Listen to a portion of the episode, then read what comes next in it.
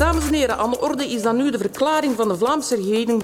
Minister-president, u heeft het woord. De septemberverklaring. Het contrast met vorig jaar. Alles lijkt nu prima. Is dat wel zo?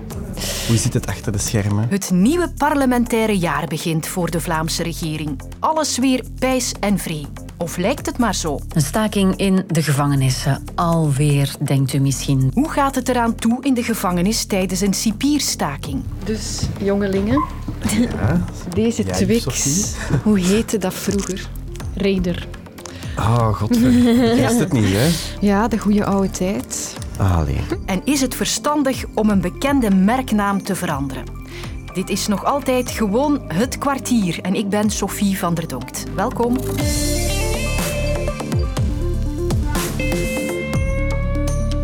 Voor wie dacht dat onze politiek alleen nog maar kommer en kwel is, was er dit weekend misschien wel een sprankeltje hoop. Minister-president Jan Bon, een akkoord over de begroting. Ik kan me voorstellen dat u tevreden bent. Ja, ik ben heel tevreden. We hebben een akkoord over begroting op meerjarenperspectief. Dus allemaal eigenlijk redelijk gemakkelijk en in heel constructieve sfeer verlopen. Het contrast met vorig jaar is wel heel erg groot. Hè? Dat hebt u heel goed opgemerkt.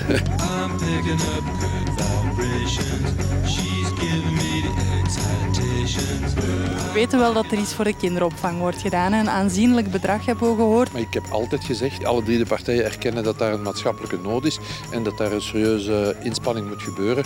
Maar de inhoud en de hoe grootheid van het bedrag, dat is voor maandag voor het parlement. Dat moest nog een keer passeren. Ah ja, maar ja, u wou niks zeggen, heb ik gehoord. Oké, maar ik ga toch even de micro onder uw neus steken als dat mag. u bent een tevreden minister van Begroting. Je ziet dat ik toch een lach op mijn gezicht heb, dus eh, ik denk dat we een mooi akkoord hebben. Minister Krevits, minister Somers. Ik zie heel blij gezicht. Jullie zijn tevreden. Absoluut. Eh, ik denk dat we goed gewerkt hebben, in goede verstandhouding. Voor u was de kinderopvang heel belangrijk, hè, minister Krevits. Eh, bent u tevreden? Ik heb vastgesteld dat de kinderopvang voor iedereen in de regering heel belangrijk is. En ik ben ook heel blij met het akkoord. De extra financiering van de kinderopvang, daar liepen de ministers allemaal hoog mee op.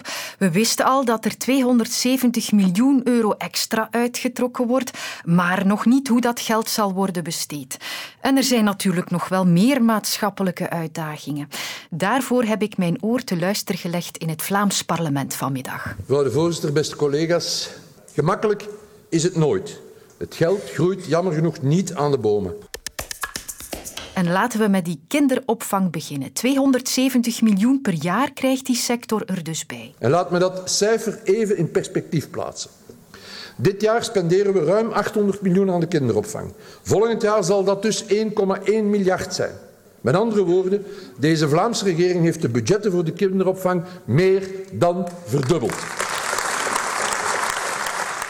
Onze kinderbegeleiders en onthaalouders hebben een zware, maar ook een fantastische taak. Enorm veel respect daarvoor. De last op hun schouders zal verminderen. En dat gaat onder meer gebeuren door het aantal kinderen per begeleider te verlagen. Nu is dat tot negen kinderen voor één begeleider. Dat gaat bij de baby's naar maximaal vijf kinderen. En wie start met een kinderopvang kan een investeringspremie van 3000 euro krijgen. Naar een volgende levensfase dan, de school. Uiteraard blijft het onderwijs onze allerbelangrijkste hefboom om jongeren voor te bereiden op een succesvolle professionele loopbaan. Daar zijn leerkrachten voor nodig en wie uit een andere sector overstapt, zal 15 jaar anciëniteit kunnen meenemen in plaats van 10 jaar nu. Volgende horde. Het hoger onderwijs. Ook daar is aan de studenten gedacht. Collega Diependalen heeft budget vrijgemaakt om 3000 nieuwe quoten te bouwen voor studenten die het financieel wat moeilijker hebben. En dan aan het werk zeker met een extra impuls voor de laagste inkomens. De laagste lonen krijgen in twee stappen 100 euro erbij.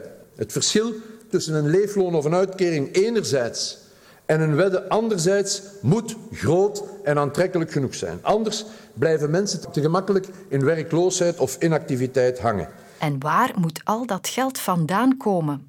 Wel, op dat vlak bleef het wat stiller tijdens die septemberverklaring. Ik heb maar één besparingspost gehoord. De doelgroepenkorting voor bedrijven die oudere werknemers in dienst nemen of hebben. Dat is een maatregel die vandaag met de krapte op de arbeidsmarkt nog weinig effect heeft gezien die krapte.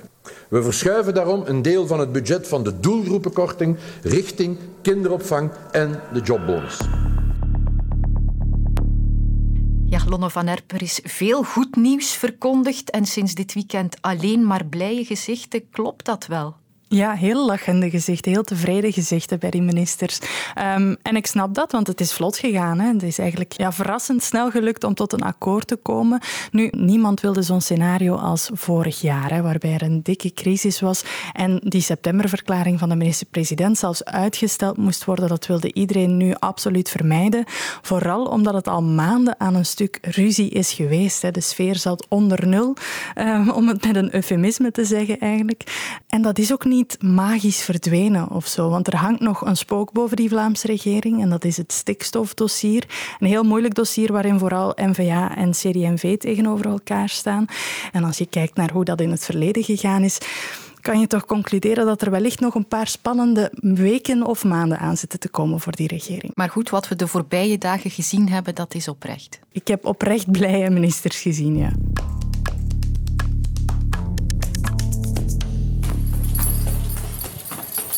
Ja, het is een hectische dag voor Anne Janssens, directeur van de gevangenis van Antwerpen. Ah, en lukt het? Want de overgrote meerderheid van het gevangenispersoneel staakt 48 uur lang.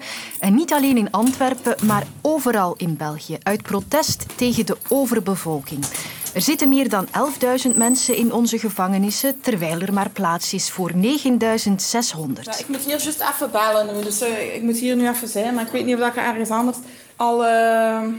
Dat is juist voor Zuiderberg, ik mijn briefplek. Ah ja, ja, en waar is dat? Ik laat directeur Anne nog even een rustig plekje zoeken om ons te woord te staan. En ondertussen luister ik naar het verhaal van Nick de Ridder. Hij is ex-gedetineerde en zat al in de gevangenissen van... Um, Gent, Oudenaarde, De Brugge... Um, ja, Wortel, Merksplas. En Nick heeft daar heel veel stakingen gezien. Ja, ik heb het uh, meerdere malen meegemaakt in de negen jaar dat ik in de gevangenis heb gezeten. Mm -hmm. Dus... Uh, het is niets nieuws, ik zal het zo zijn. Dan is het vooral op cel blijven. Hè. De wandelingen verlopen moeizamer, het douchemoment, telefoonmomenten. Ja, en ook bezoek. Hè. Dus als je dan dat moment normaal bezoek had van je vriendin of je familie, ja, is dat wel een moment dat dan niet aangenaam is voor de gedetineerden. Dus de gemoederen lopen snel op als je opgesloten zit. Oké, wie zijn had verbrand en moet op de blaren zitten. Ik zeg niet dat het hotel moet zijn, maar de vrijheidsberoving is eigenlijk al de straf op zich. En ja, um, als je een hond in de kooi steekt, het is een dier, um, na een dag uh, is het ook uh, in principe een, een gevaarlijk beest. Hè. De impact op gedetineerden is duidelijk. Ja, ik zit neer. Ça va. Oké, okay, we kunnen starten. En ook voor gevangenisdirecteur Anne is een staking niet evident. ja, het is echt... Uh, als je met, een man of acht moet doen wat je normaal met, met, met 40 doet, ja, dan, uh, dan wordt het inderdaad uh, moeilijk. Hè, ja. Gelukkig kunnen ze hier telefoneren op cel, dus dat blijft bestaan. Maar bijvoorbeeld grote bewegingen, uh, onderwijs, ja, dat valt allemaal weg. Gelukkig hebben we ene kok die wel wil komen werken. En dat is ook iets wat we doen aan het begin van een staking. Van zodra dat we weten dat er een staking is, uh, beginnen wij een aantal mensen op te bellen waarvan dat we weten dat ze meestal wel zullen komen. En dan uh, vergewissen we ons ervan dat de cruciale diensten effectief bemand zijn. En als we dan merken dat die, dat die niet zullen bemand zijn, dan proberen we ons daar op voorhand op voor te bereiden. Door bijvoorbeeld ja, uh, op voorhand te vragen van hoe werkt dat dan in een keuken? Kunnen we ons nog rap even leren, zodat we het zelf kunnen doen. We zijn heel blij met iedereen die komt. Maar we zien natuurlijk ook dat daar ook mensen hoe langer hoe meer beginnen afraken. Omdat dat voor die mensen natuurlijk bijzonder zware dagen zijn. Hè. Die worden evenveel betaald als op een andere dag. Maar die moeten wel het werk van al hun collega's die er niet zijn bijpakken. Uh, en dat is natuurlijk een weinig dankbare job. Dat zijn hele zware shiften. Hè. En we zien dat mensen zeggen van ja, in principe staak ik niet mee of, of, of, of, ben ik niet uh, per se het eens met de reden waarom men staakt. Maar ik ga toch niet komen omdat ik gewoon niet zie zitten van zo'n zware dag te moeten, moeten presteren. Dus dat zien we ook wel uh, hoe langer hoe meer gebeuren.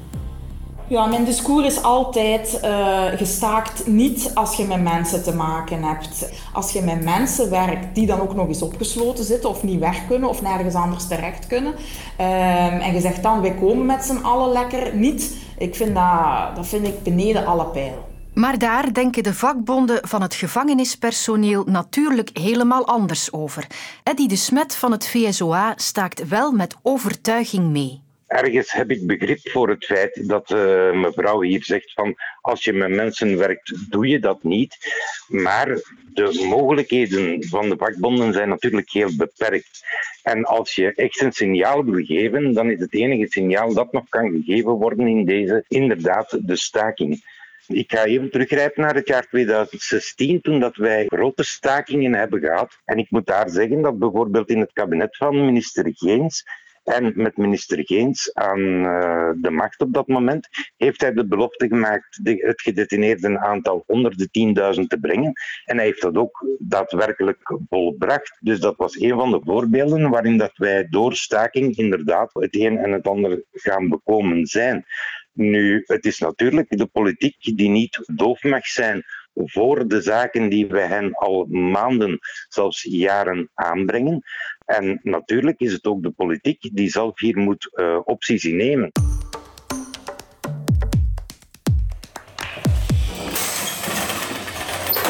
Ik ben vandaag snel even over en weer naar de Aldi gelopen met een paar collega's om het met eigen ogen te zien.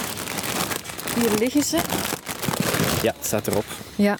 Ahoy, snakmaatje. Na jaren varen ben ik gestrand op een paradijselijk eiland.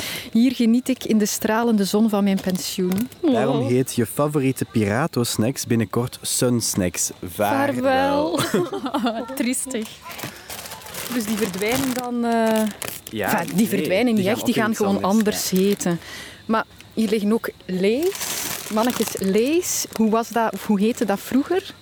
Uh, dat weet ik niet. Nee, Mark, wij hebben dan nog als Smits gegeten. Hè? Zeker Smits. Ja, vroeger was dat Smits. Ik heb mij daar ook eventjes moeten overzetten.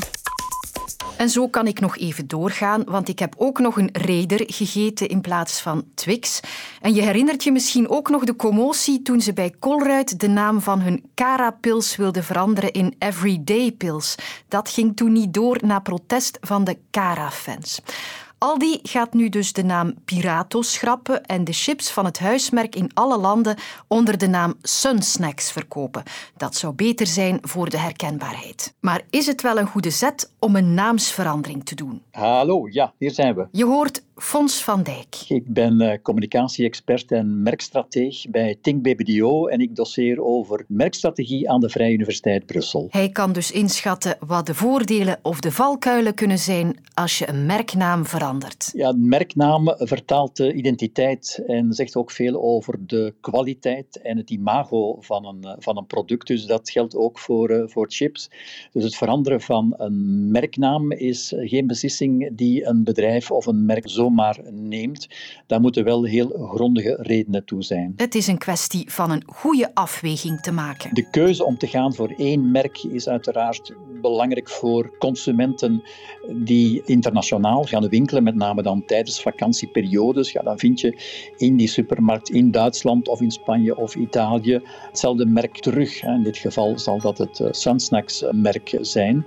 Er is uiteraard een nadeel aan verbonden voor merken. Dat is dat op een bepaald moment, wanneer consumenten hun vertrouwde merk niet meer zouden vinden, dat ze naar een ander merk overstappen. Niet zonder risico dus, al valt dat in dit specifieke geval best wel mee volgens Fonds. Ik denk in het geval van Aldi, omdat het hier over een huismerk gaat, dat de consument daar relatief snel zal aan wennen. Het is veel delicater voor zogenaamde A-merken die in supermarkten uh, verkopen waar meerdere merken worden aangeboden. En daar kan het verdwijnen van een favoriete merk er aanleiding toegeven dat uh, de consument naar een concurrerend merk overstapt of eventueel naar het huismerk van die supermarkt overgaat. Het Pirato chipsmerk is vooral populair uiteraard bij de klanten van Aldi.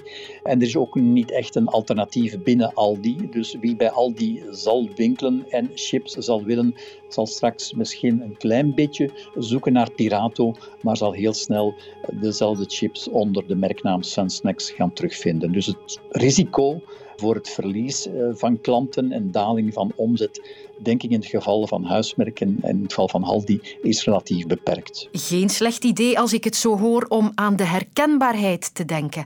Al speelt er misschien ook nog iets anders mee. De belangrijkste reden voor ondernemingen en supermarkten om naar één merk of naar één huismerk over te stappen is uiteraard ook schaalvergroting en op die manier besparen op eh, de kosten. Eh, zij hoeven nu maar in één smaak, in één verpakking, in één merknaam te investeren voor voor de Europese gemeenschap in dit geval.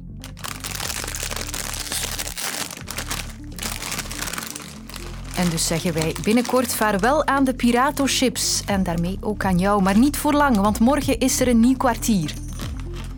Dag. Luister ook naar Snapt je mij nu? Onze VRT Nieuws-podcast waarin straffe twintigers praten over hot topics. Nu in de app van VRT Max.